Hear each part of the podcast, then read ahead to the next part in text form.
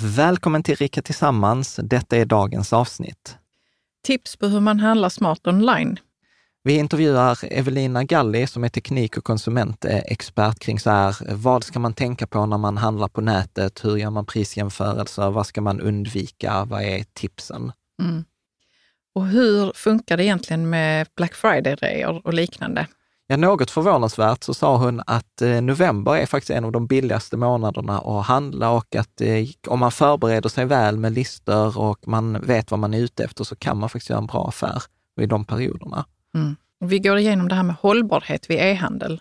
Ja, men man pratar ju ofta om det här med returer och transport, men Evelina kastade också ljus på att transporten är en ganska liten del i hela livscykeln. Så att detta och många andra tips pratar vi om i dagens avsnitt, så välkommen! Varmt välkommen till Rika Tillsammans-podden som handlar om allt som är roligt med privatekonomi och livet. Varje vecka delar vi med oss av vår livsresa, våra erfarenheter, framgångar och misstag så att du ska kunna göra din ekonomi, ditt sparande och ditt liv lite rikare. Vi som driver denna podden heter Caroline och Jan Bolmesson.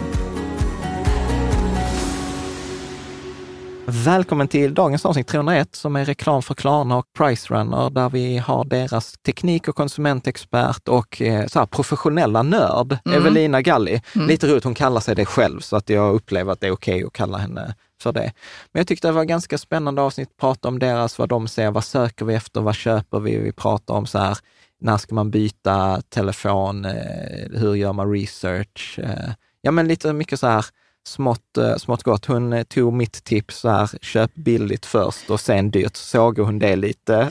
Ja, på ett väldigt bra sätt faktiskt. Ja. Mm. Vad tog du med dig? Ja, men jag tog med mig, alltså jag är ju mycket så att jag klarar av de här prisjämförelserna själv, tycker jag. Så. Men, det, men jag tror ändå att jag kommer ha mycket nytta av att använda Price Runner. Ja, men, Faktiskt. Ja, Jag brukar inte göra det. Ja, mm. så att, eh, nej, men jag hoppas att det är lite nytt, eh, lite, lite allmänbildning, eh, lite så här, ah, detta har jag inte tänkt på. Mm. Och att ja, men kanske vara lite mer medveten, lite, göra lite smartare, lite klokare eh, val helt mm. enkelt.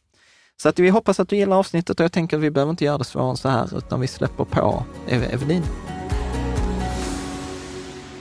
Varmt välkommen Evelina Galli. Du har ju jobbat på någon redaktion på några av Sveriges liksom, tekniksajter sedan du var 14 år. Du har hållit på med konsumentteknik på alla sätt man kan tänka sig.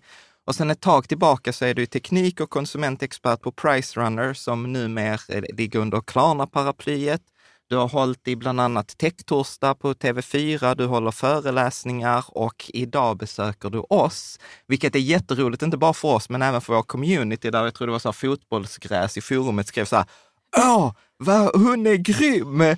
Så att eh, varmt välkommen till oss. Tack så jättemycket! Gud vad smickrande att fotbollsgräs uppskattar mig. är det något du vill lägga till i presentationen?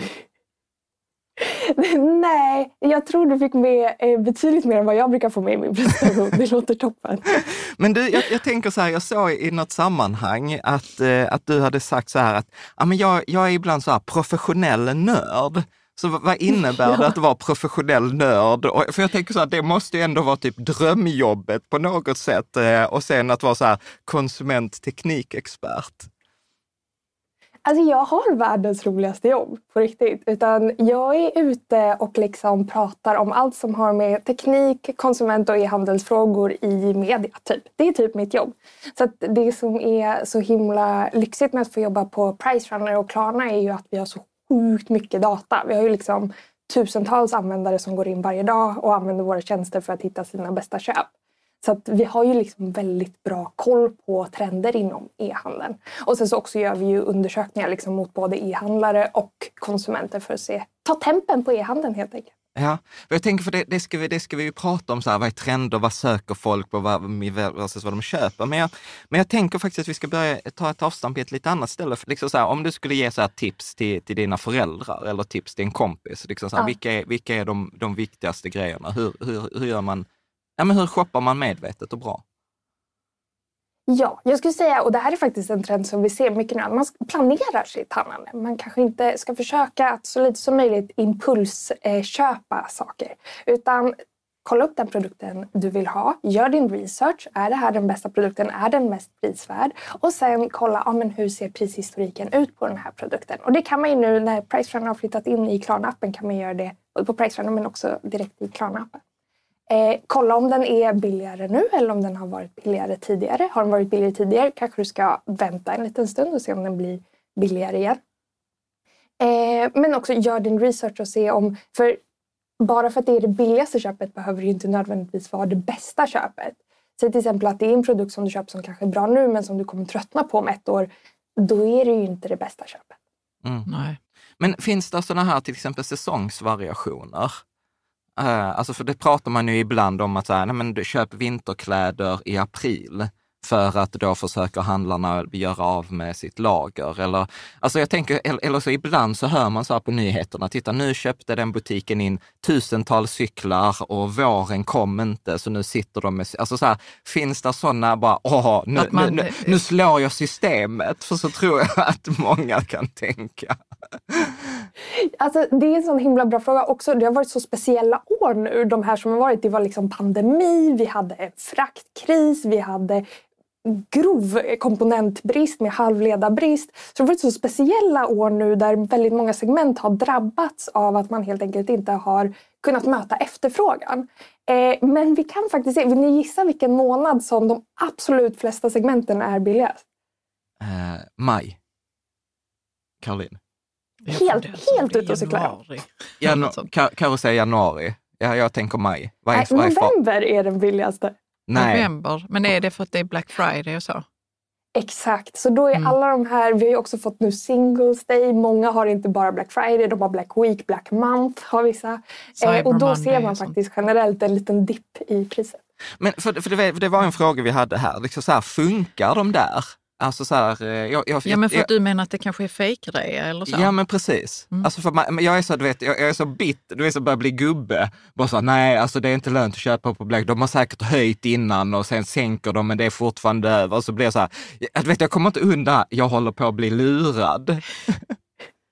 Alltså jag är jätteglad att du är skeptisk, för det ska man vara. Man ska ta allting med en nypa salt. Men generellt sett så är Black Friday den billigaste dagen på året om vi ser. Det kanske inte är jättemånga procent generellt, men det är ändå ja, men 2% billigare än en vanlig dag. Men sen har du helt rätt att man ska vara uppmärksam och kolla på vad vi kallar för bluffreor, det vill säga att e-handlare höjer priset på en vara precis innan Black Friday och sen sänker den igen för att få den att verka större än vad den är.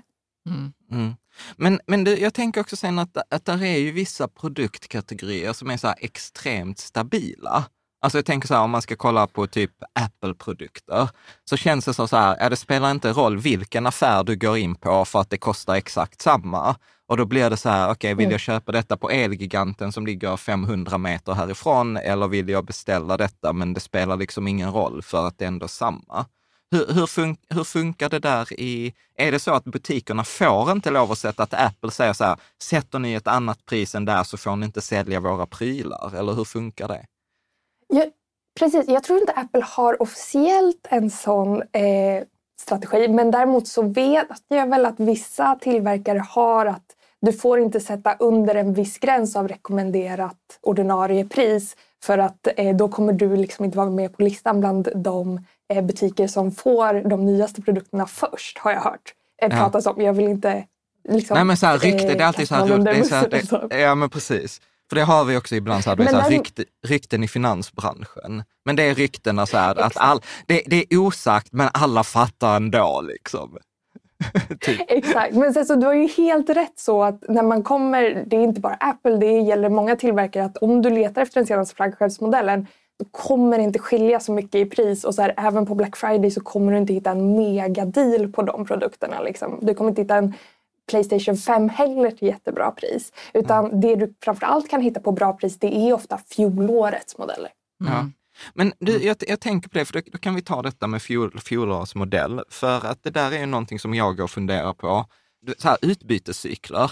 Nu har jag bara hittat på mm. i mitt liv helt äh, liksom, eh, slumpmässigt. Och så här, nej, men jag köper varannan Apple-telefon och då köper jag liksom mm. alltid den typ den dyra. Du är inte ensam. Det, det är så. Men hur, hur, hur, hur, tänker du som också är lite så här tekniknörd kring alltså generationer av prylar? För att jag kan ju säga våra barn har ju typ en iPad, vår fyraåring har ju vår gamla iPad från 2017. Mm. Jag hade nog blivit så här störd på att jag tycker att den är lite långsam. Men alltså du vet, för henne funkar ju den utmärkt och den är väl sex sju år gammal. Mm, du ser. Nej, men, eh, och det är nog många som känner så att tekniken har kommit så pass långt nu att det är många prylar som liksom, de har inte förändrats så mycket de senaste åren. Det är ganska marginella prestandauppdateringar rent hårdvarumässigt. Men du har helt rätt i att vi har en cykel ofta i Sverige på två år när det kommer till mobiltelefoner. Och det är mycket på grund av hur abonnemangsformerna har sett ut. Att man ofta binder upp sig på två år och sen så är det dags att byta. Men också på grund av att tillverkarna inte skickar ut operativsystemuppdateringar hur länge som helst. Nu har just Apple varit väldigt väldigt bra på att skicka ut uppdateringar för lite äldre eh, modeller. De är faktiskt ganska långt framme där men det finns andra tillverkare som inte skickar ut uppdateringar så länge. Och då blir det plötsligt, dels så kanske du inte får de senaste funktionerna i ditt operativsystem när du har en gammal mobiltelefon. Men det kan också vara en säkerhetsfråga. De här operativsystemsuppdateringarna eh, täcker ju också igen säkerhetshål. Mm. Men, men hur gör du själv? Köper du ny telefon varje år eller byter du? Hur, hur tänker du? Jag försöker vara medveten och inte sådär slentrianbyta vartannat år som jag gjorde väldigt länge. Sen så blev faktiskt min mobiltelefon snodd. Så då var jag så illa tvungen att uppdatera min mobiltelefon. Eh, men jag försöker nu att hålla mig lite längre innan jag köper en ny faktiskt, tills jag faktiskt behöver. Och vi ser faktiskt, det här är intressant, jag gjorde ett litet gräv i just mobiltelefonkonsumtionen bland svenskarna. Och från att det har varit flaggskeppen som är de populäraste mobiltelefonerna så är det nu de äldre mobilerna faktiskt som är på topp topplistan. Så jag tror att flera känner att det inte är värt att lägga de där extra tusenlapparna på senaste mobiltelefonen för det är ändå inte så stor skillnad. Liksom. Ja. Men det kan också vara så att man, eh, jag vet inte, men jag gissar att vi blir medvetna om att vi kan inte liksom hålla på och byta varje år eller vartannat år ens, utan att Precis. de funkar ja. rätt bra. Man kan byta batteri och det är bättre för miljön. Liksom. Ja. Mm. Mm. Ja, precis. Men sen tror jag också att så här, alltså telefon, alltså jag minns ju så här, de första Apple-telefonerna kostade ju typ relativt sett under 10 000. Alltså nu senaste åren, alltså det är ju inte konstigt att en telefon kostar 15 000. Och då tänker jag så här, alltså det är ändå ganska mycket pengar. Alltså ja, att, att lägga det, på en det telefon. En gräns, alltså. Så att jag tror att det är också så att man helt enkelt bedömer så här, nej men det är inte värt, det är inte värt priset, eh, mm. tänker jag.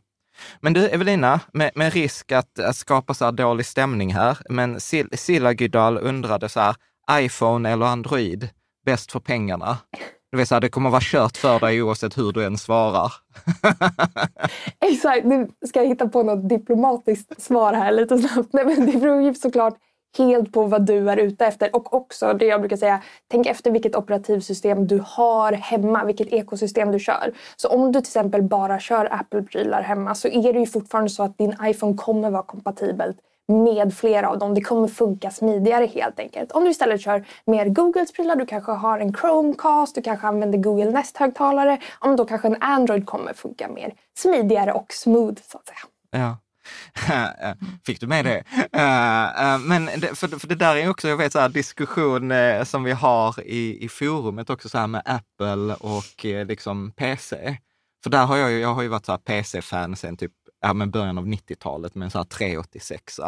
Medan Karo nu köpte en, äh, köpte en ny sån här Macbook och då var jag så här, fan, alltså den, den är ju bra. Den är ju väldigt... Alltså det roliga är att det är du som uppskattar den mer än vad jag gör. Jag bara skriver i mitt Google Drive-dokument. Du får hålla hårt i den. Ja, men ja. precis. Men har du några tankar hur man ska tänka där? Är det lite samma, tänka ekosystem, eller hur ska man tänka i det valet? Ja, alltså när det kommer till dator så är det ju verkligen en djungel. Jag får ganska ofta frågan så här, vilken dator ska jag köpa? Och det är så himla svårt att säga för det är så himla många specifikationer som ska liksom passa. Mm. Eh, och det kanske ser bra ut på pappret men i verkligheten så funkar det liksom inte alls bra med dina mm. behov. Jag själv kör PC eh, för att det är också det jag använt alltid. Det är det jag är mm. van vid. Om jag skulle sätta mig vid en Mac så kommer liksom de kortkommandona sitter liksom inte i mina fingrar så det blir bara fel. Eh, men liksom prestandan, du kan få lika bra prestanda oavsett vilken du väljer. Ja, men du, eh, så här, en lite så här personlig fråga. Alltså så här, du vet research. Alltså det är så här, man, jag, jag, kan ju ibland lägga massor av tid och jag kommer ihåg så här, mest roliga exemplet var ju så här, jag kollade på glassmaskin och sen kollade jag på något test och sen så började jag på en glassmaskin på 800 kronor och sen så var den till 1500 kronor och sen två och en halv timme senare då höll jag på att kolla på liksom glassmaskin som var gjord för små kiosker som kostade 32 000 och då var jag så här, nej, men, alltså, så här nu har jag passerat någon rimlighetsgräns och sen till slut så var jag så här, nej det blev ingen glassmaskin. Nej, jag blev helt av de här 150 000 kronors glassmaskin. Ja men för, precis, för jag insåg att den för 30 000, det var ju så mycket bättre än de, de initiala. Men, men så här, Så då kommer man bara hur, tänka på det när man står där med sin andra liksom? Exakt. Men hur, hur, hur, gör du, liksom så här, om vi nu nördar, när, när tar det slut? Liksom så här, hur, hur gör du din research? Nej, men alltså jag önskar att jag kunde ge ett så här jättebra rakt svar till dig nu, men jag är exakt likadan. Alltså jag kan verkligen, det finns så mycket saker jag inte har köpt just för att jag fastnar i det där hålet av att bara Äh, men ska man inte, ska man inte lägga på någon extra tusenlapp så får man det lite bättre hela tiden.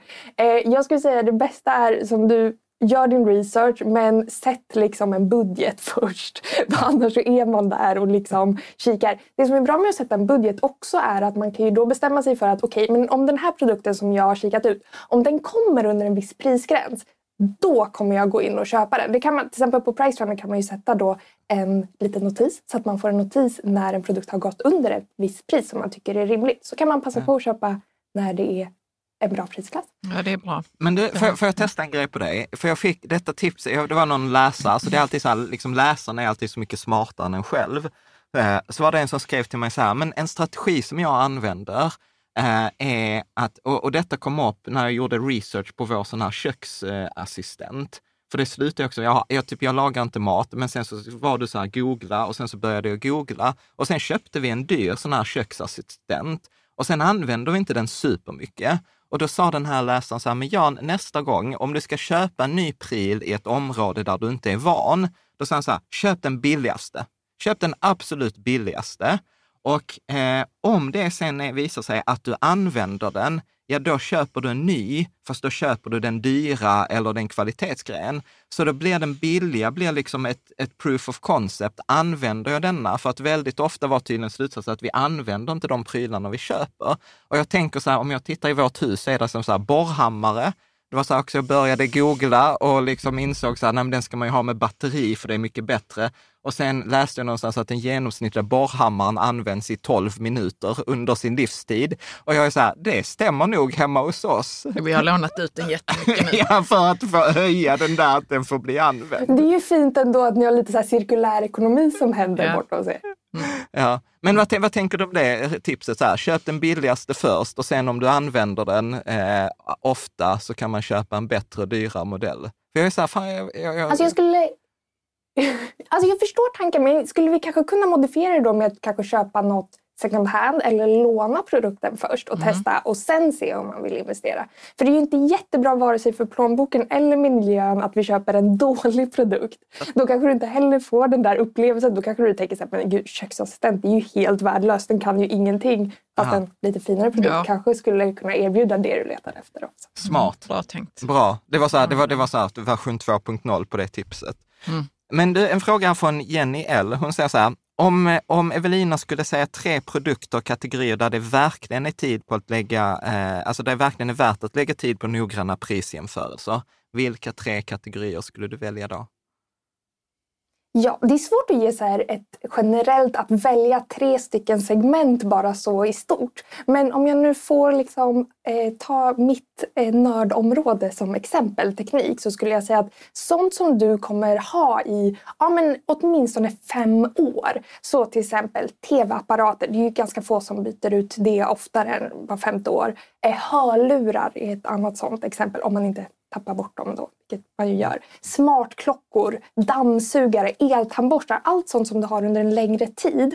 Där du också oftast kan tänka dig att kanske köpa, inte den senaste modellen utan kanske fjolårets version. Eh, där skulle jag säga att det absolut gynnar sig mest. Där kan du liksom spara flera tusen lappar på att passa på att köpa när det är en kampanj. Jag såg faktiskt också nu, det här är inte ett av mina expertområden, men jag kollade faktiskt på grillar nu eftersom det är säsong för det. Och där, den populäraste modellen är faktiskt 1000 kronor billigare hos en av e-handlarna jämfört med resten just nu. Så att eh, allting sånt, jag tror inte de flesta känner om du har liksom det senaste årets grill eller fjolårets, så jag det är jättemånga som märker skillnad på till exempel. Mm. Men det där, vet vad, det där har jag också konstaterat med mig själv, att när jag köper någonting, då vill jag gärna ha den senaste modellen. Men sen kan jag ha den i fem år och då är jag helt okej okay med att jag har en fem år gammal modell. Men jag hade aldrig accepterat det i köpögonblicket. Vilket är så här att jag, jag, ins, jag inser att man är så lite eller ja. irrationell. Ja, och så här, självklart finns det också en poäng med att om du, ju mer exklusiv modell du investerar i, desto längre håller den kanske. Så det är ju hela tiden att väga mellan dem. Ja. Mm. En fråga här som Mandy ställer, så här, det är svårt att bedöma vad ett pris är i vissa produkter och kategorier som drabbats till exempel av hög inflation, trots att det finns historik. Att man tänker så här, ja men detta kommer nog eh, inte, liksom, detta har varit billigare förr och så tänker man så här, men nu köper jag detta när det är tillbaka på den nivån. Men det kan ju mycket väl hända att det går inte tillbaka till den nivån för att det är inflation mm. eller andra saker. Så finns det liksom några andra sådana här strategier, liksom hur man kan veta när det är köpläge? Förutom då att köpa på det... Black Week november. Typ. Exakt, Nej, men det är ju en, en jättebra fråga. Ehm, för det är ju olika också hur liksom segmenten påverkas av, de här, av inflationen. Eh, vissa segment har ju tvärtom blivit billigare nu för att vi har haft liksom en halvledarkris och en fraktkris som nu liksom inte är lika akut. Så ta grafikkort till exempel. Jag vet inte om ni kommer ihåg det men det var ju hur dyrt som helst med grafikkort för bara något år sedan och gick inte att få tag på. De är ju nu tvärtom billigare. Eh, nästan, jag tror förra sommaren så var det så all time low liksom på priset på grafikkort. Så att, eh, det är väldigt olika hur man ska tänka. Det är också så svårt för självklart kan du inte investera i någonting bara för att det är billigt. Alltså så här, det är ju inte bra att... Eh, det kan ju fortfarande vara för dyrt även om det är relativt billigt. Så att, eh, jag skulle säga, sätt en budget oavsett vad du eh, handlar för och sen så om det är över den budgeten så, så köp det inte. Mm. Jag tänker också så här, också en fråga, är, är det några så här vettiga märkningar eller sånt man ska ha koll på? Och, och, och sen vet jag inte, jag bara så här snappade upp, har det varit någonting nu med någon så här CE-märkning, att det var någon sån här China, China export eller eh, är det något du känner till? Ja, äh, jag tycker verkligen att det är ett sånt område som vi verkligen borde bli bättre på inom e-handeln faktiskt. För det mm. är en djungel med alla de här märkningarna. Så är det fossilfritt? Är det typ så här, man, det känns som man kan bara hitta på en märkning och sen så vet man inte riktigt vad den står för. Eh, Svensk Handel har faktiskt gjort ett jättebra arbete där med Aster. Så att nu är alla som är medlemmar i Svensk Handel, de har bara en märkning när det kommer till fossilfria leveranser. Så man slipper det här med så här, CO2-kompenserad, utgiftsfria och så här, allt det här. Utan de kör bara på en. Sen så kan man ju kolla såklart efter om det är svanenmärkt. Det är också sånt där märke som är standardiserat. Klarna har faktiskt en egen grön eh, badge. Sen så om vi ska liksom prata lite mer generellt, inte om hållbarhet utan om andra märkningar så tycker jag såklart att man ska hålla utkik efter om de har blivit årets e-handlare från oss på Pricerunner. Det betyder att vi har kikat lite extra på dem och gett dem pris. Så att mm. vi ger tummen upp till dem. Mm. Vad, då för pris? Alltså varför uh, har de blivit årets e-handlare? Så då kollar vi på hållbarhetsaspekten men också eh, kundupplevelsen, eh, om vi gör sån här mystery shopping, man har också fått om de har bra omdömen från Pricerunners användare. Och så. Mm. Mystery shopping? Ja. Säg något mer. Precis. Då, Mystery shopping det är alltså när eh, vi skickar ut några hemliga agenter att handla från de här e-handlarna och se hur köpupplevelserna är egentligen. Till exempel använder de jättemycket plast i sitt emballage eller packar mm. de saker i lagom stora förpackningar? Har de en trevlig kundtjänst och så vidare. Men vad ger det dem då att bli årets e-handlare? Alltså får de fler kunder på det eller blir de, det är bara de blir glada? Liksom? Gör, gör det någon skillnad? För jag ja, tycker det är viktigt det med emballagen. Alltså man kan ju få en bok i en jättestor förpackning. Man bara, detta var ju onödigt. Eller hur, man blir, det är så tråkigt. Just det här med att frakta luft är en superstor puck också inom e-handeln just nu. Hur vi effektiviserar transporterna. Eh, men också vad de får är väl exakt, de får ett pris och eh, jag hoppas att det är någonting de stoltserar med så att kunderna kan känna sig tryggare när de handlar hos dem. Mm. Jag måste ändå säga mm. så att jag har ändå kollat det ibland och så känner man så här, ah, men detta känns ändå tryggt. Eh, sen vet man ju inte, ja. man, man kollar ju inte om det är sant eller inte. Jo, men har de då, alltså hur, om, de, om man säger så att detta är årets e-handlare så känns det ju som en trygghet. Ja. ja. Att de gör massa saker som är bra, inte bara en sak utan Ja. kanske flera. Ja. Mm. Men du, jag, tänk, jag tänker så här, leveranstider. Jag pratade med, med ett företag som jobbar i logistikbranschen och så sa de så här, detta tyckte jag var intressant för det visste jag inte. De sa att det här med korta leveranstider, att det är någonting som faktiskt pressas från, eh, från bolagen snarare än från konsumenterna. Eftersom bolagen tydligen har sett att eh, om ju snabbare kunden får sin vara, desto mindre är han eller hon benägen att returnera den. Ah, är, är det någonting som du har hört någonting om? För jag har bara hört det från en så här, vet, så här, logistikchef och han var så här, ja, men det är därför vi blir pressade. Mm. Nej, men jag tror det finns två anledningar till att de blir pressade. Dels är det som du säger att det är större chans till retur och det är ju av den logiska anledningen att tar det för lång tid att få sin vara då kanske man har hunnit köpa den från något annat ställe helt enkelt. Men det andra handlar ju om att om jag som kund går in på en e-handlare och så ser jag att den ena mm, kanske kan leverera inom två arbetsdagar och den andra kan leverera inom fem arbetsdagar då väljer jag ju såklart den med kortast eh, tid. Så att det är väl därifrån pressen kommer. Ja. Men du, eh, för det var också snack för något år sedan, mycket här nu med Amazon, eh, att de skulle liksom göra intåg och det skulle bli massa så här dummedag för svenska e-handlare. Sen så tycker jag att det, det blev väl lite pyspunka eh, av, av det där. Eh, Vad var det de skulle göra? Att de skulle vara supersnabba med Nej, sina de- leveranser? Nej, men de eller? skulle ta över den svenska e-handeln. Mm. Och sen var jag så här, ah, fast svensk e-handel är väl ändå ganska mogen. Vad, vad, Mm. vad tänker du? Det eh, misstaget man gör ofta när man gjorde det antagandet att Amazon skulle komma in som en storm och ta över e-handeln, det var att man jämförde med länder som USA och Storbritannien där Amazon var i princip med och liksom byggde upp e-handeln i de här länderna. Så där är ju Amazon nästan synonymt med e-handeln i vissa fall. Man går liksom bara in på Amazon och sen så söker man på sin vara och så köper man den. Medan här i Sverige så har vi, precis som du var inne på, en redan väldigt mogen e-handelsmarknad med massa olika aktörer. Och på sådana marknader när Amazon kommer så tar de inte en lika stor andel. Det har vi sett tidigare i Europa också. Mm. Men jag tänker också, för, för där, där har ju den här Amazon, har ju den här Amazon Prime, att det går ju liksom väldigt snabbt. Jag kan ju ibland tycka det är helt sjukt att jag beställer något på kvällen och sen kommer det på eftermiddagen dagen, Dagen efter. dagen efter. Är, är det också liksom så här, vi ser en trend eller är det, eh, alltså hur, hur ska man, för, för jag blir liksom så här, när det är så pass enkelt, då känns det ju som att ja, men det är inte ens lönt att sätta sig i bilen och åka bort till köpcentret för att köpa Alltså att jag börjar köpa en annan kategori varor som kommer direkt efter snarare när jag var tvungen Vad, vad, är att det, vänta. vad är det för varor du brukar köpa nu då? Alltså Nej, mer jag- än sladdar? För det är ju det du har beställt Jan, Ja, om vi mest ska vara helt ärliga. ja, ja, precis. Valet är så här, skicka på Amazon. du köper. Ja, precis. Om jag behöver en sladd och så vill jag ha den nu och så normalt så åker jag till Kjell Company eller något sånt här och nu är det så här, men jag kan beställa den på Amazon Prime. Alltså, hur ser ni att liksom det påverkar?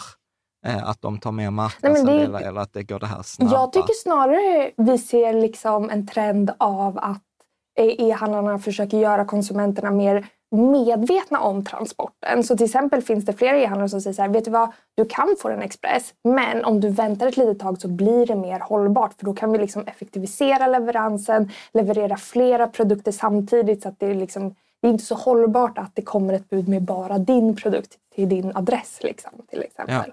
Eh, så att numera så är det ju väldigt många e-handlare som tar en liten summa för frakten just av liksom, hållbarhetsskäl. Men eh, det är en, eh, en annan eh, fråga här från Leonsvans som undrar så här, men jag vill, ha, jag vill gynna lokala handlare, jag vill liksom inte gynna Amazon till exempel. Kan, kan Pricerunner hjälpa mig att hitta handlare med anställda i Sverige eller med lager i Sverige eller som betalar skatt i Sverige? Liksom så att, att, att det blir liksom lokalt i Sverige än att det blir liksom utländskt. Just nu har vi ingen märkning för det men det är kanske någonting man skulle kika på i framtiden om det är någonting som är viktigt för konsumenten. Ja. Så det är rätt bra, tycker jag. Ja, men Mm. eh, för, för, jag tänker, fråga. för, ja, för att jag tänker att det är också en tillitsgrej, för att ibland så vet jag att jag har använt, eh, jag tror att jag har använt er tjänst och så blir det så här, så får jag svara så här, men du kan köpa detta i en dansk butik. Och trots att vi bor i Malmö, det är liksom tio minuter över bron, så jag så här, dansk butik, det låter läskigt. Nej, det skiter jag i. Men Amazon är okej. Amazon, jag, jag, jag, jag har inte sagt att jag är rationell och smart, jag har bara liksom sagt att jag, att jag är lite dum i huvudet. vad, vad, vad tänker du Evelina?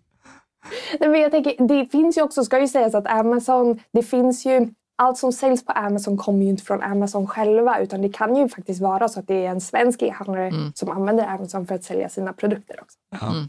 Men, men det här med att köpa liksom så här i, alltså så här, är, är, är, det rationellt av mig att tänka så här, oh, danskt, dansk firma som bara har automatöversatt sin hemsida? Och, ja, det stöter man på ibland, inte bara danska. Ja, mm. eller, eller tyst. Då känns det oseriöst. Ja, det men, handlar inte från sådana som har automatöversatt sin hemsida. och så, och så, och så, alltså, så länge du handlar inom EU så är det ju fortfarande ett konsumentskydd får man ju säga. Men jag är precis likadan. Alltså jag, om jag känner också att något är automatiskt översatt. Det var ju också en jättestor grej om ni kommer ihåg det när Amazon lanserade i Sverige. Att de hade jätteknasiga översättningar. Och jag tror att det var en stor del av att eh, svenska konsumenter kände att nej men det här kändes inte tryggt att handla ifrån. Ja. Men, ja, men då säger du ändå så här, så att egentligen, alltså så här, handlar jag i, i EU så är det samma skydd. Så att det är egentligen, det är bara liksom så här, men jag kan handla i Sverige för att gynna svenska butiker. Men mm. egentligen så är det så här irrationell rädsla. Men vad är det för konsumentskydd då? Hur kan jag använda det?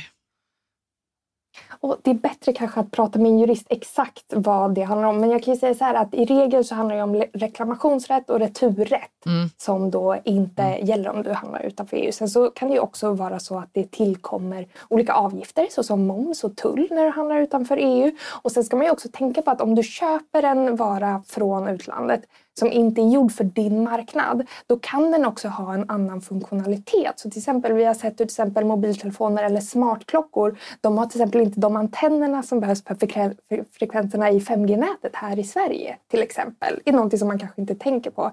Eh, eller så enkel sak som att eh, nät-elsladden Man får fel kontakt. Jag har, ja, jag har ju, exakt. Been there, done that. Jag har en kamera som jag inte kan ladda. Måste ha adapter varje gång. exakt. Eh, exakt. Eh, du, en fråga här från Fotbollsgräs. Hur ska man tänka kring liksom så här, ibland så här bristande säkerhet kring liksom så här Internet of Things? Att till exempel så här, robotdammsugaren från 2018 fortsätter dammsuga, men uppdateringarna slutar ju komma om det är till exempel en säkerhetslucka, så får man inte det uppdaterat. Så att borde man liksom köra saker som slutat uppdateras liksom bara offline eller ska man kassera dem? Eller liksom att jag tror inte liksom att det, där, där kommer liksom en aspekt idag på prylar du köper som vi kanske aldrig har vi har Nej, inte precis. behövt oroa oss Nej, för, att tvätt, för att tvättmaskinen spionerar på oss. Liksom. Eller inte blir uppdaterad. Ja, eller inte blir uppdaterad. Vad, vad tänker du? Ja, men det var lite som vi pratade om innan också, att eh, det här med att vi måste sätta press på företagen att faktiskt fortsätta uppdatera sina produkter ur en hållbarhetsaspekt. Det är inte okej att liksom hårdvaran fortfarande levererar och presterar, men för att tillverkaren inte skickar ut mjukvaruuppdateringar så är de helt plötsligt en säkerhetsrisk. Och det är helt rätt, det liksom handlar inte längre bara om vår dator och mobiltelefon. Det handlar om alla våra produkter i hemmet, som från kylskåpet till tvättmaskinen och eh, så vidare. Det, där, där, har vi en jättehet diskussion i forumet just nu apropå tvättmaskin. Eller så här, det var så här, byta vitvaror innan de går sönder eller efter. Jag visste inte att det var en het potatis. Men det var det tydligen. Nej, tänker de då att det är bättre på andrahandsmarknaden innan den har gått sönder? Nej, nej jag tror att man är så preventivt. Alltså, man tänker så, nu är, har vi haft har, den i 15 nu, år. Nu har den hållit mm. i 12 år. Alltså nu är den bortom sin livslängd och jag vill liksom inte riskera att liksom så här, värmepumpen går sönder mitt i vintern, så jag byter den preventivt jag har aldrig, jag har alltid, vi har alltid tänkt att vi kör det tills det går sönder. Vi kör det tills det går sönder, ja. Men, eh, mm. men har du någon tanke kring, eller en stött på frågan, eller är det bara vi i forumet som är så här, vi har, vi, vi, har, precis, vi, har inget, vi, har, vi har inget bättre att göra på fritiden än att diskutera. Nej men alltså det har faktiskt dykt upp och det är klart att det, här, det, finns ju större chans att göra ett planerat inköp om du inte köper någonting i panik när någonting har gått sönder. Liksom bara, mm. Min spis gick sönder nu, jag måste få tag på någonting nu. Då kanske man inte har tid att liksom tänka så här, hmm, Jag väntar till november. Exakt. Så att på det sättet absolut så finns det ju en aspekt i att man eh, borde kanske vara lite preventiv. Och samtidigt så är det ju jättetråkigt om en fungerande produkt kasseras till följd av det. Eller hur? Det tar, det tar emot. Ja, det tar emot. Det, det tar emot. Mm. Men det, jag tänkte... Men vänta, ja. eh, vad var det här nu? Eh, oh, nej, nu tappar jag frågan. Okej, okay, du, får skriva, du får skriva ner den. Vad pratade vi om innan? Innan Man kan ju eh, tänka att i framtiden kanske vi pratar mer om så här modulära produkter eller den här, man pratar ju mycket om så här cirkulär ekonomi. I framtiden kanske det är så att du inte behöver byta ut hela din vitvara utan du kanske bara behöver byta ut vissa komponenter och så vidare. Ja. Ja, det är bra. Jo, men jag tänkte på det med säkerhetsrisk. Att eh, saker som är uppkopplade och sen inte får eh, Uppdatering. uppdateringar, då blir de en säkerhetsrisk. För, för jag tänkte bara så här, ja, ja, men då är den som en dum pryl Ja. som det var förr i tiden. Ja. Det är väl ingen fara? Nej, fast det kan ju vara så här, alltså så här, detta är ju inte ovanligt, så att ja, den är internetuppkopplad Mm. och sen är det någon som tar över den och sen börjar den skicka massa signaler mot någon stackare liksom, som är anti-Ryssland. Du vet, och så börjar din, din liksom, dammsugarrobot, det är plötsligt en sån här bot på nätet. Alltså det låter så långsökt. Det har kan hänt. detta hända? Ja. Ja, ja, gud ja, absolut. Det är kanske ett annat avsnitt vi ska prata jag om. här- visste inte detta. Det här Ja. känns ju oerhört märkligt. Ja, men alltså en sak som kan sända saker på nätet, kan, som kan sända liksom så här, ja men din puls är det här, kan ju sända liksom andra signaler också. Eller hur? Säger du Det finns Evelina. ett jättekänt klipp på när man eh, hackar, det var en liten kille som hackade sin leksak, sin nalle. Eh, så att det är ju verkligen, eh, om man börjar tänka riktigt långt kan man bli väldigt paranoid när det kommer till just vilka prylar vi har uppkopplade i hemmet. Ja. Mm. Och där, där var ju något med så här att eh, de här dammsugarna nu som gör en sån här 3D-bild av hemmet, Ja. de hade ju liksom gått och börjat futta grejer. Det var ju den här nu med Tesla, att anställda på Tesla hade ju suttit och kollat på, på liksom kamerabilder från ja, ägaren. privata kamerabilder. Ja, Ja. som, som folk hade i sitt Det garage. har jag också läst. Ja. Det Så- finns också, tidigare har det kommit nyheter om eh, de som gör såna här smarta uppkopplade kameror till titthålet med, med en sån här ringklocka. Att de också hade kollat på kunders eh, Ja. kamera. Och det var ju då uppdaterade och nya kameror som gjorde det. Så att det finns Ja. flera aspekter att tänka på. Det här är ett annat avsnitt, Jan. Ja, ja, Ja, bra Evelina att vi har fått eh, svar på detta. Du, Me- Melva undrade liksom så här kring, alltså så här, lite samhället är ju ibland, upplever jag, lite så här riggat för att vi ska konsumera mer och att vi egentligen lite aldrig ska vara riktigt nöjda. Och liksom Mm, utveckla- jämförelsesjukan. Ja, men lite, lite så här. Ser ni att det finns till exempel, alltså du vet som det finns med kasino, att folk som liksom så här, ja men eh, inte riktigt liksom använder det, eller men, eh, vad, ska- jag säga, blir en beroende eller att det blir liksom, eller blir ett osunt beteende? Med shoppingen. Ja, med shopping, Eh, att man överhandlar. Precis.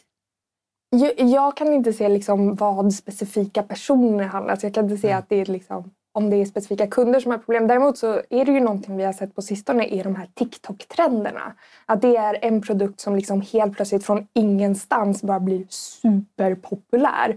Bara, men vad är det här? Och då kan vi nästan alltid kartlägga det till någon typ av TikTok-trend. Och det är ju typ en sån där sak som är så här, behövde verkligen alla de här personerna köpa den här produkten? Eller var det ett behov som uppkom av att en influencer då antingen för att den tyckte om produkten eller för att den blev betald av företaget promotade den här i sina kanaler?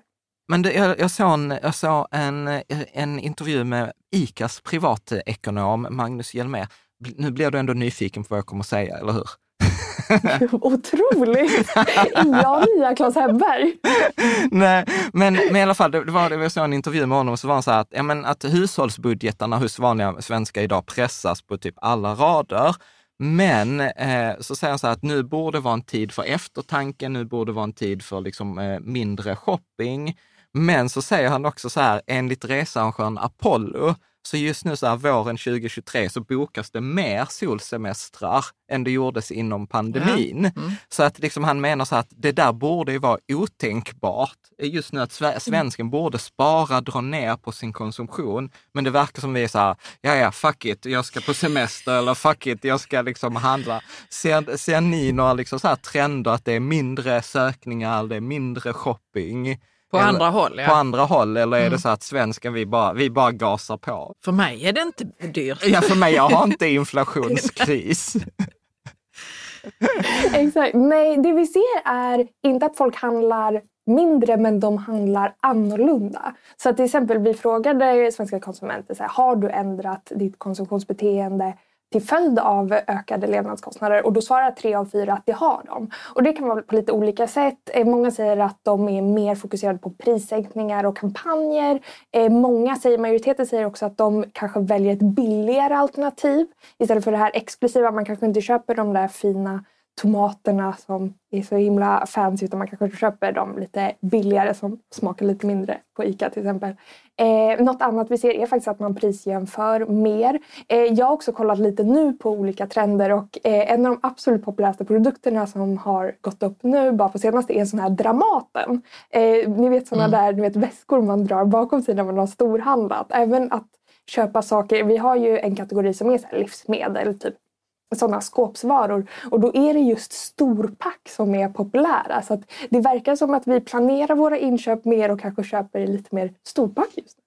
Ja, alltså förlåt, jag som är o... Dramaten. Ja, alltså jag, tänk, jag, tänk, jag tänkte så här, jag, jo, jag vet vad det är, men jag visste inte att det hette... Det är sånt copy. Men varför heter det Dramaten? Ja, men man drar För hem maten, maten i den. Och så är det lite roligt att den heter Dramaten. Jaha, jaha. okej okay, förlåt. Ja, ja, Detta men... fattade jag för flera år sedan. ja, men, tack Caroline. jag som bor på Södermalm i Stockholm ser ja, men Jag tänkte det var så här, nej, nej, de åker inte på Greklandsresa, de går på ja. Dramaten. Så tänkte jag, shit vad kulturella svenskarna har blivit. Ja. Vad roligt om vi prisjämförde Dramatenbiljetter också. Ja, ja, Men, ja, men exakt. Men eh, en fråga här, eh, Mandy undrar så här, eh, kan du dela några så här roliga fakta om människors köpbeteenden utifrån allt? Är det någonting mer eh, som är så här, vad, eh, så här, köper vi det vi söker eller söker vi efter vissa grejer och sen köper vi andra grejer? Mm. Oj, vilken bra fråga. Nej, men, eh, vi söker mycket på eh, prylar. Mycket teknikprylar söker vi på. Så att vi söker mycket på ja, men, hörlurar eller framförallt då airpods, iPhone, iPod, Playstation 5. Det är de absolut populäraste sökningarna. Det är långt ifrån de eh, mest eh, klickade. Vi kan ju också se vad folk sen klickar vidare ut till butik till. Och det är helt andra produkter. Jag kan berätta att just nu, det här är väl ingen skräll, men just nu är högtryckstvättar väldigt poppis. mm. eh, olika typer av gräsklippare. Också sånt här antifästingmedel för katter såg jag hade åkt upp på topplistan just nu. Ehm, I övrigt kan jag säga att bara nu det senaste halvåret har vi sett en trend med mindre hushållsmaskiner. Så till exempel airfryers, eh, såna här smörgåsgrillar, våffeljärn. Sånt är superpoppis just nu.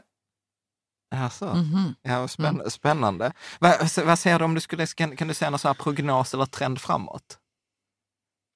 Jag tror att vi kommer fortsätta se allt sånt som har med att spara pengar och spara energi kommer bli populärt nu Eh, efter sommaren, framförallt om vi får en till vinter med höga elpriser. Det här är någonting som vi såg ännu mer. Vi finns ju även på den brittiska marknaden och där, där de har alltså ännu värre eh, elpriser än vad vi har haft här i Sverige så är det allting som kan ha någonting med att spara liksom, din el. Så det kan vara allt från timers, eh, den typen av produkter som håller koll på din elkonsumtion.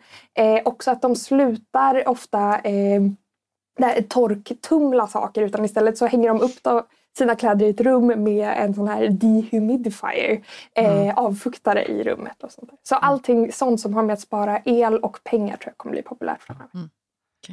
ja, ja, kör Carro. Ja. Eh, jo, jag satt häromdagen då och kollade på lakan. Det är någon sån här grej som jag har, att ibland så vill jag ha nya lakan. Ja. Men jag köper inte det så ofta. Men så i alla fall så hittade jag lakan då Uh, men, och så gick jag in på Pricerunner och det brukar jag inte göra, men jag tänkte så men jag kollar det. Det kanske är så att den hjälper mig. Men där låg inte lakanen till det billigaste priset. Hur kommer det sig? Då eh, beror det nog på att just den e-handlaren har inte vi haft möjlighet att integrera i vårt system Så du får jättegärna tipsa om det så lägger vi in det. Mm. Ja. Okej, okay, vad bra. Ja. Men där har jag också en fråga från Pomodoro som undrar så att ibland när man söker på en vara så slussas man vidare liksom till produktsidan och då får man ett pris. Men sen ibland när man hamnar hos butiken så får man ett annat pris. Är det, liksom så här, är det då vajsing i systemen eller hur, hur ska man tänka?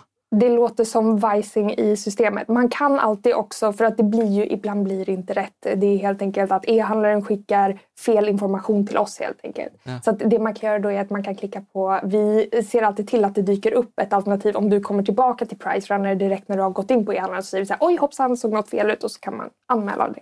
så fixar Ja. vi det. Vi har massa Ja, så- duktiga människor som sitter och jobbar med det här hela dagen. Ja men super, men då vet man så här, det, så ska det inte vara. Då är det liksom ett fel. Så man behöver liksom inte känna sig, fan nu blev jag lurad. Eh, utan då så här, nej det var något som gick fel. Men Mm. du verkar som att du skulle invända. Ja, men jag vill bara, jag vill bara säga så att eh, alltså jag har inte använt Pricerunner jättemycket i mina dagar, men, men lite grann. Och sen så, så tänkte jag så här, men nu är Pricerunner och Klarna samma. Liksom. Kan jag då liksom ändå lita på att, att ni står på min sida, konsument, konsumenternas sida och inte bara liksom de företagen som vill sälja till mig? Förstår du frågan? Självklart. Vi har stått alltid väldigt starka för att vi står på konsumenternas sida. Också för att vi tror att i långa loppet så tror vi att e-handlare hellre syns på en plattform som tydligt tar ställning för konsumenterna. Vi har till exempel alltid inför varje rea, stor reaperiod, inför Black Friday till exempel, så går vi ut och pratar om det här med bluffreor till exempel. Att det, vi tyckte väldigt starkt mycket om den här nya konsument, det nya moderniserade konsumentskyddet som kom nu förra året som gör att e-handlare måste vara mer transparenta med sina rea, eh, vad heter det? reasättningar. Nej, Mm. pris. ja, prissättningar prissättningar på rea. Mm. Eh, så att eh, vi, vi har alltid stått på konsumenternas sida och vi kommer fortsätta göra det. Mm. Eh, men det, jag, jag tänker också så här, här kom en fråga, eller kanske ett önskemål här eh, från Mattias Blomberg. Han skulle säga, detta var nästan kanske pro, produktutveckling, men eh, han tänker så här, vore det möjligt att kunna se så här, hur så, för man kan se hur priserna sett ut historiskt, men man kan liksom inte se hur har priset sett ut hos en enskild butik eh, historiskt. Och då säger han så att ja, men ibland så kan jag se en vara som normalt kostar 3 000 och sen ibland så dippar den ner till 1250 hos någon obskyr butik ett visst datum. Och då tänker jag så här, men det var inte liksom legitimt. Så att liksom så här, kan man, liksom så här, hur ska man tänka kring liksom så här, prishistorik versus butik versus pris idag? Jättebra fråga också. Ehm, det, det är svårt för oss att visa alla erbjudanden hela tiden just eftersom vi har miljontals produkter. Men däremot så försöker vi nu inför eh, till exempel Black Friday, då startar vi ett visst datum eh, efter sommaren. Så startar vi att vi kartlägger och då brukar vi ta 50 000 produkter alla erbjudanden på dem. Och sen så kontrollerar vi hur olika e-handlare då förändrar priset just så att vi kan kartlägga olika bluffreor. Det är lite för mycket data för att vi ska kunna erbjuda det till alla användare för alla produkter i alla marknader. Mm. Men, men det där med bluffreor, alltså är, är det vanligt då? Eller har ni sett att vissa gör det där att de höjer och sen sänker? Eller är det också en sån här lite, man tror att man blir lurad men man blir egentligen inte lurad? Nej, men det, det är tyvärr någonting som händer. Sen så är det väldigt speciella tider just nu. I och med en inflation så kan det ju bli så att priserna ökar inför Black Friday oavsett. Inte för att e-handlarna på något sätt försöker luras utan bara för att Mm. alla segment drabbas av inflation. Men det är absolut något som händer. Jag vet inte om ni har märkt det nu i och med det nya konsumentskyddet. Eh, men nu så är det ju faktiskt flera gånger har jag i alla fall sett att den här produkten jag ska köpa, det ser ut som den är på rea, men den har faktiskt varit billigare inom 30 dagar.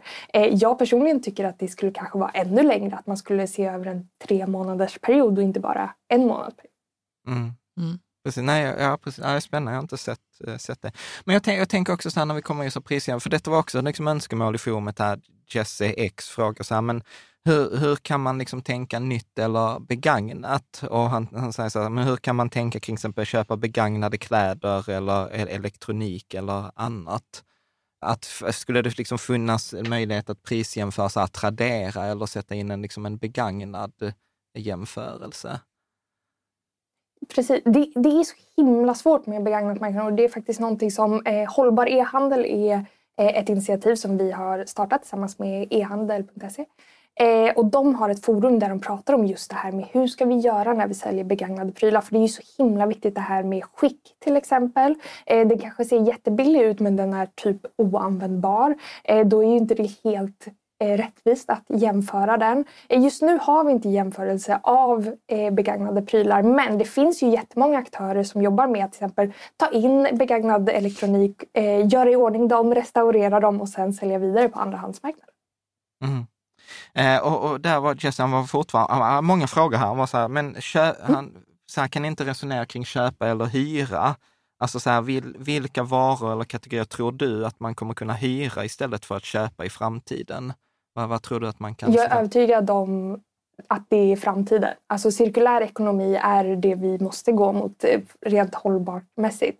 Nu ser vi ju till exempel finns eh, Hyber, ett företag där du kan hyra barnsaker, eh, barnkläder och sen bara uppdatera när dina barn växer eller eh, andra produkter som har med föräldraskap att göra. Vi har Hygglo där du kan hyra eh, till exempel då en slagborr om du inte använder den så ofta. Om man inte känner er och kan hyra egen. Ja. Eh, så men... jag tror också så här, konst, inredning, allt sånt tror jag att eh, vi kommer börja hyra mer. Också för att man orkar inte ha till exempel möbler som står i förrådet hela tiden. Mm. Nej, men för, för jag, vi gillar ju Hygde. Senast typ häromdagen så hyrde vi en sån här lövsug. Eh, men, men problemet med liksom Hygglo är ju lite så att det förutsätter att någon i din närhet får. Jag har ibland fått säga, ja men det, denna finns att hyra, det är bara 325 kilometer bort. Och då är man så bara, ja, ja kan, kan, kan, maybe not. Eh, men att, att eh, att, Vad tänker du nu Jan? Nej, men att, som, som Jesse skriver här, att tror vi att det kommer komma så här företag som är så här, okay, men du kan hyra den här lövblåsen, men vi finns typ i alla städer, eller vi fraktar hem den till dig, eller det kanske finns, jag vet inte, jag har inte kollat.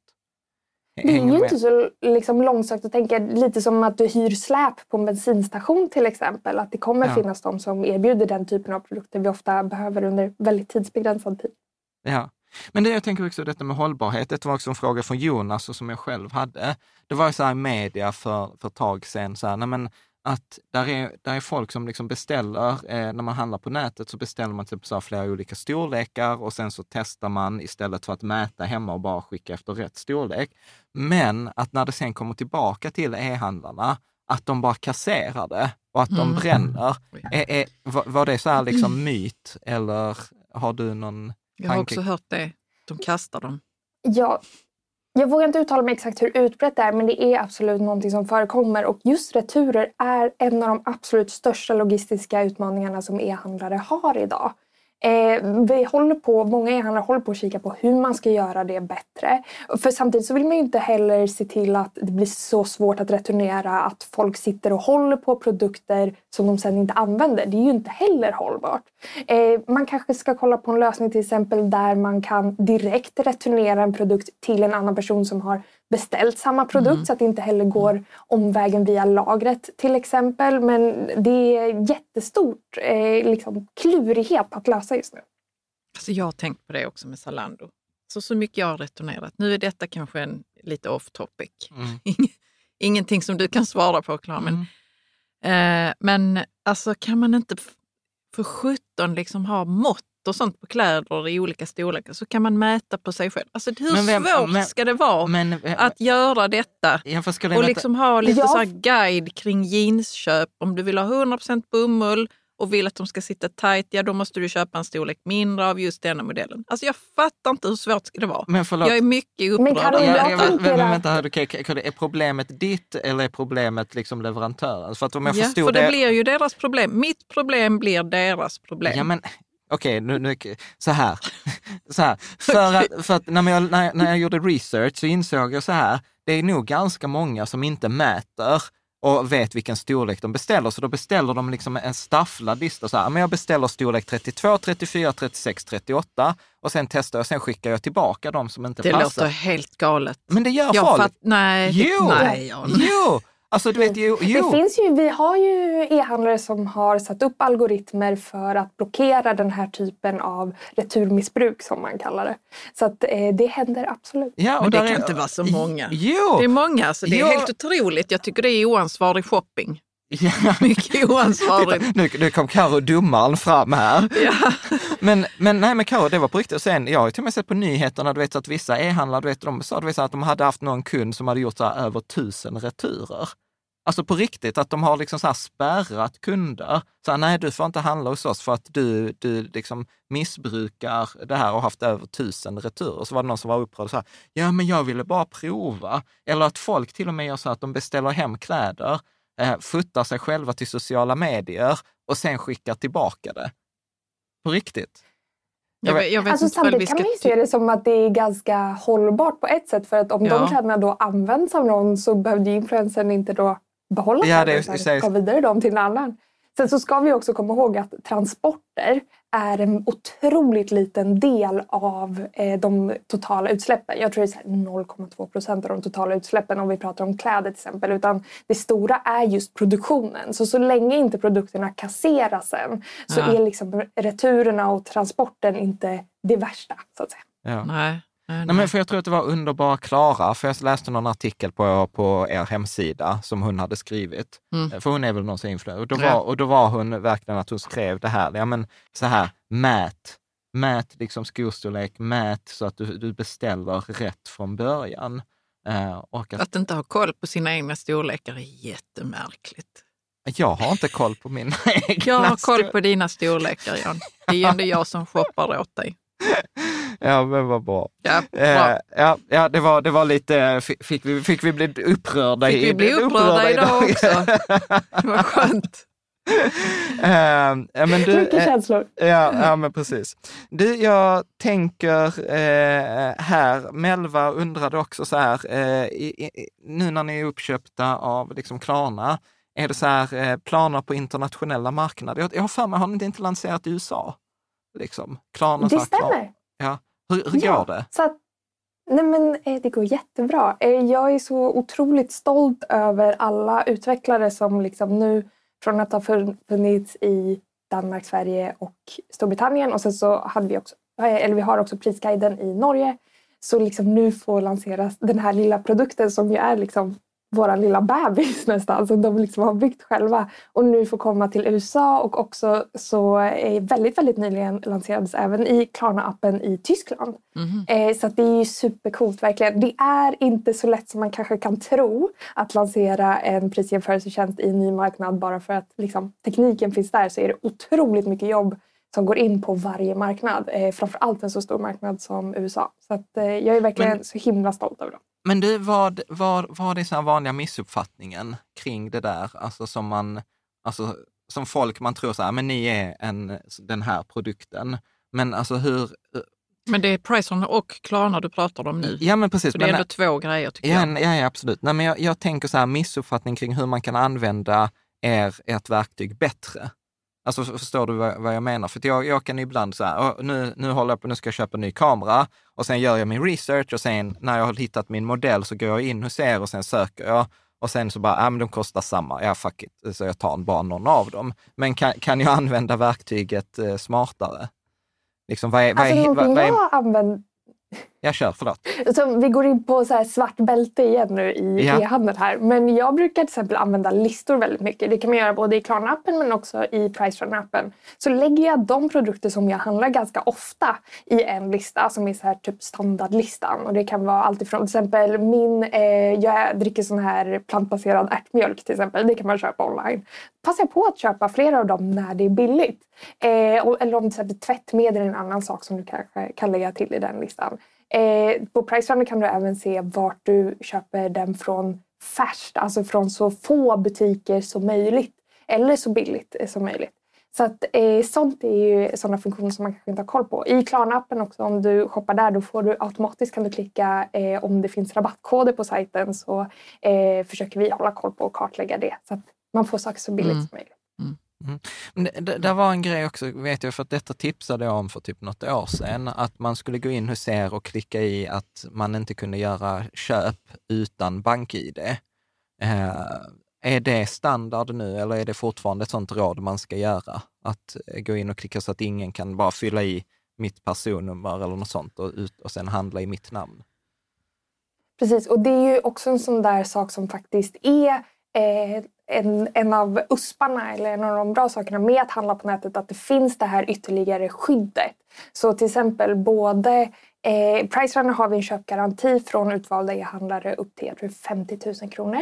Så att om det skulle hända någonting, någonting skulle bli fel så återbetalar vi dig eh, och hjälper dig med det. Men eh, Klarna har också ett sånt köpskydd om någonting skulle hända. Också det här med att du behöver inte betala om du inte får den varan till exempel eh, Eh, är ju någonting man ska tänka på. Sen så också med BankID, jätteviktigt för jag såg att det var flera som frågade hur man skulle tänka med BankID på nätet när man handlar. Jätteviktigt såklart att eh, se till att bara eh, använda och skriva in din säkerhetskod eller använda Face ID om det är från en liksom, betrodd eh, aktör. Såklart. Bra. Jag tänker att vi, vi börjar, liksom, vi ska runda av lite, men vi har liksom några sådana här eh, lite off topic-frågor eh, ja. som, som jag ändå tyckte var De lite är kul. alltid roliga. Ja. Mm. Eh, fotbollsgräs, han är så här, vilket spelsläpp, alla kategorier, så här, konsol, PC, brädspel, ser du mest fram emot i år? Så roligt att ta med brädspel också. Det är inte ofta man tar med de fysiska spelen när man pratar spelsläpp. Men jag skulle väl säga att nya Zelda-spelet eh, Tears of the Kingdom, heter det så? Breath of the Wild-uppföljaren till Switch ser jag ju såklart väldigt mycket fram emot. Ja. Något mer? Ehm, Diablo 4? De som är... Nej, men jag är inte sån Diablo-spelare, även om det är många som pratar om det. Jag kanske börjar nu. Eh, jag ser väldigt mycket fram emot att det kommer en potentiell DLC, tillägg till Harry Potter-spelet Hogwarts Legacy nu i framtiden. Och förhoppningsvis också till God of War 4. Det har kommit så himla många bra spel på sistone till eh, konsolerna. Ja. Och du, så här, jag, jag Hur så... hinner du spela? Eller du spelar? Nej, men det är det jag jag gör. som alltså, titta på Evelinas Instagram. Det är Ja, jag har mycket från spel. Det, alltså, det är verkligen, jag har inte mycket till liv, men det är det jag gör. Nej, men det...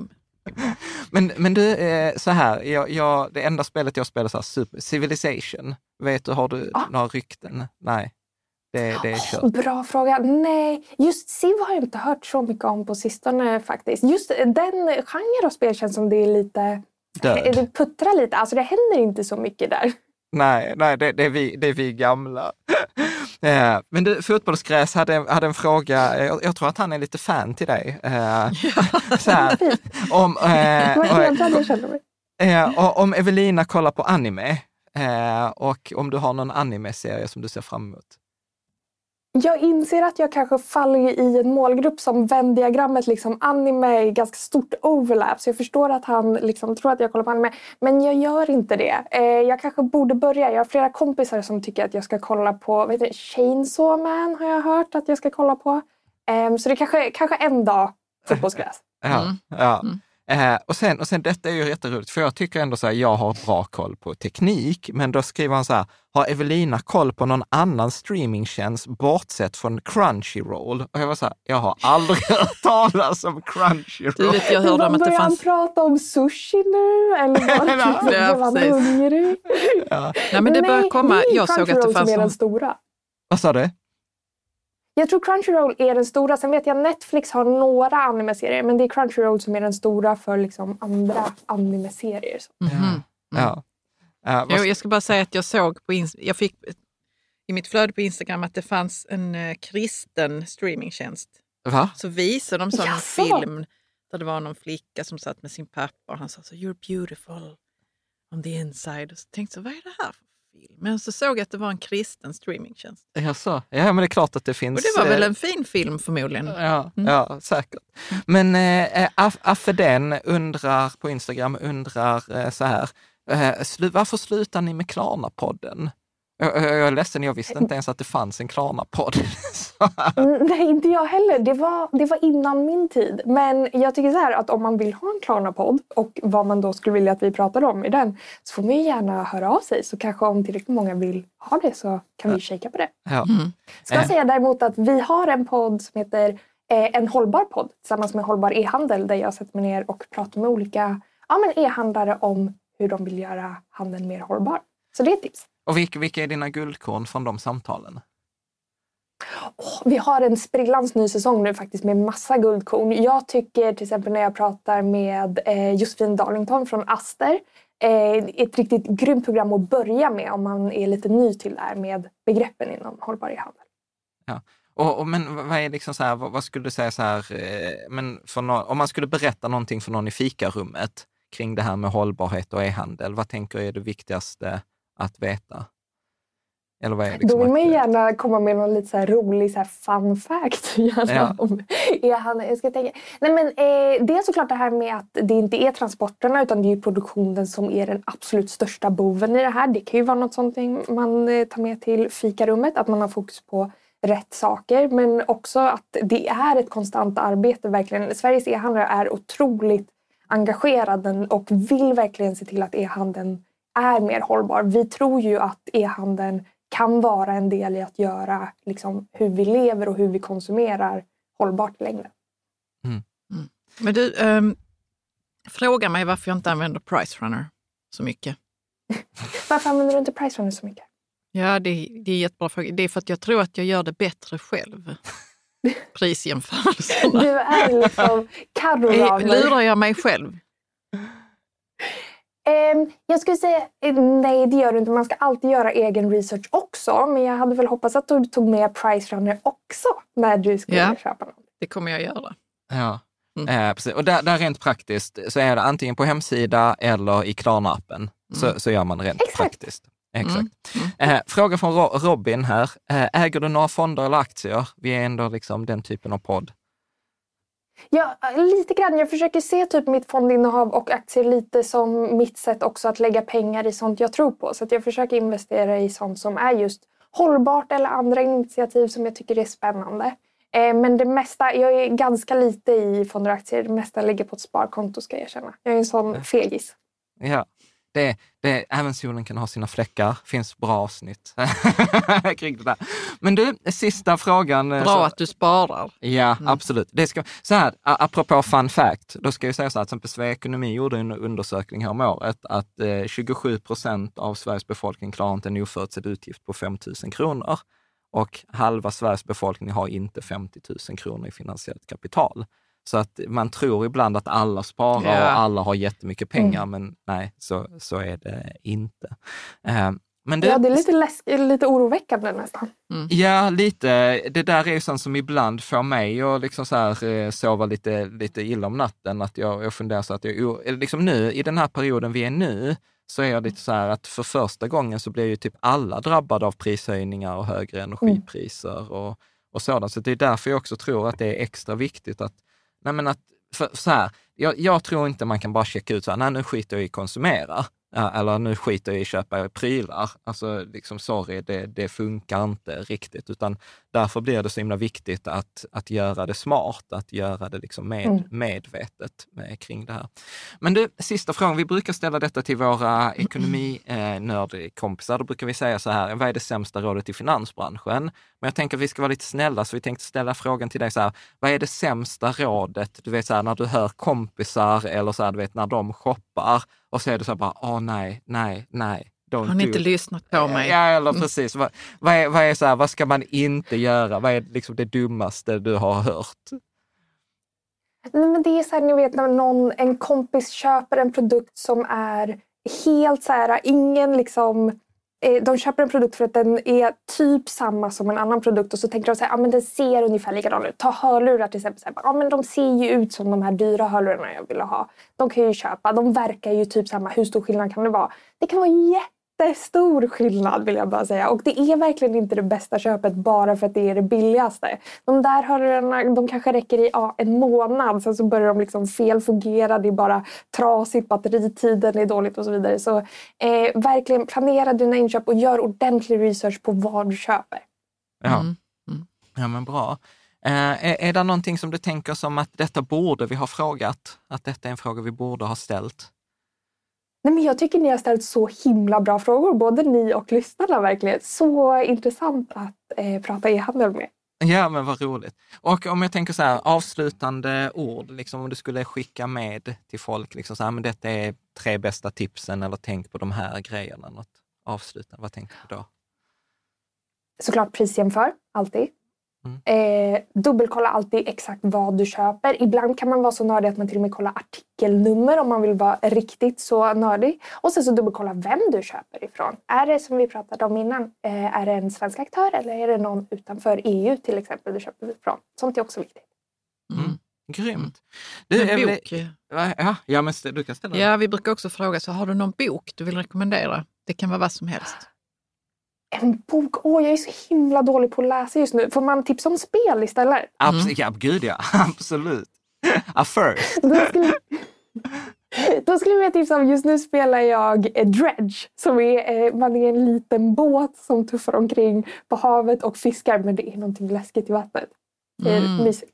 Ah, gud, gud vad spännande. Det, där, det måste jag testa. Alltså det är roligt, för ibland så får vi så här boktips. Vi fick ett boktips så här på en sci-fi-serie som är så här, eh, vad heter det, Three, three, three Body, body Problem. problem. Mm. Och det var så här, fan jag har inte kunnat jobba vissa dagar för, så här, för detta är en jättebra bok, så detta låter I som... tre delar. I tre, i tre delar. Mm. Så att nu är jag så här, fan, det där, det där Vi är glada över alla tips. Ja men det är så. Man Reg, får... vi kör den med Elsa, vår fyraåring. Ja, eller, eller, eller kanske inte. Det är inte så långt. Vad sa du? inte så långt spel, så att du kommer kunna jobba också. Det är så? ja, det är bra. Tack, tack. Mm. Du Evelina, ett stort tack för att eh, du ville hänga med oss, prata om shopping. Det kan hända att vi återkommer så här inför Black Week eh, eller så här bara så här, vad ska man ha koll på nu? Vad är de bra köpen? Och hoppas att du vill komma tillbaka. Det vill jag hemskt gärna. Det här var så trevligt. Tack. Mm. Tack så hemskt mycket.